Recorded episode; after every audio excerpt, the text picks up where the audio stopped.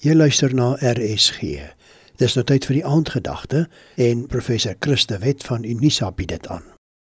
Een van die pragtigste tekste wat ons kry in die Nuwe Testament, myns insiens, is die Saligsprekinge.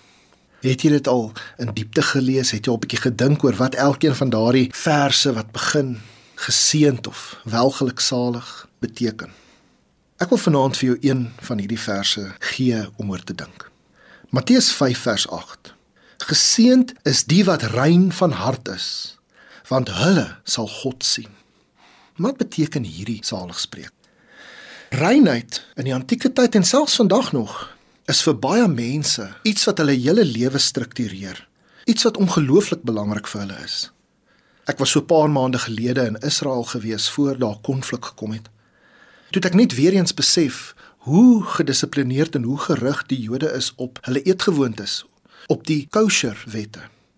Ons lees in die Ou Testament dat reinheid is iets wat buite die mens lê eintlik nie. Dit is kulties. As jy Levitikus lees, dan gaan dit oor wat jy eet en wat jy doen met jou lyf. Dis dinge wat van buite af kom.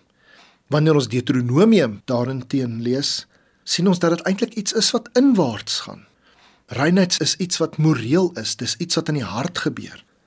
Nou in die Nuwe Testament is die fokus nog meer op die idee van innerlike reinheid. Dit gaan nou minder oor wat jy eet en of jy jou hande was en al hierdie reinheidsrituele volg. Jesus beweeg baie meer in die rigting van Deuteronomium en sê vir ons dat reinheid is iets wat van binne af kom. Reinheid is iets in die hart. Daarom sê Jesus ook in Matteus 15 vers 11: Dit is nie wat by die mond ingaan wat jou onrein maak nie, maar wat by die mond uitkom wat die hart van vol is loop die mond van oor. Dit is boosheid en sonde en haat wat jou onrein en onheilig maak.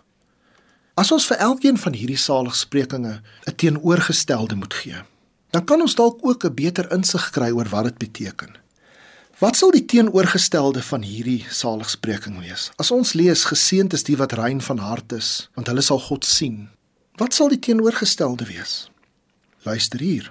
Dit is jammer as jou hart vuil is van haat en boosheid, want dan sal jy nooit God kan vind nie. 'n Rein hart maak dat jy God kan sien. En daar's soveel mense hier wat sê, "Ag, ah, waar sien ek God? Waar sien ek God?" Ek sien God nie in die wêreld nie.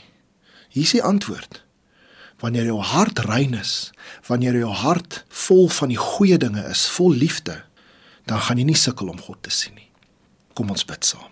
Here, gee in my 'n rein hart sodat ek u kan sien in 'n wêreld wat vir u blind is. Amen.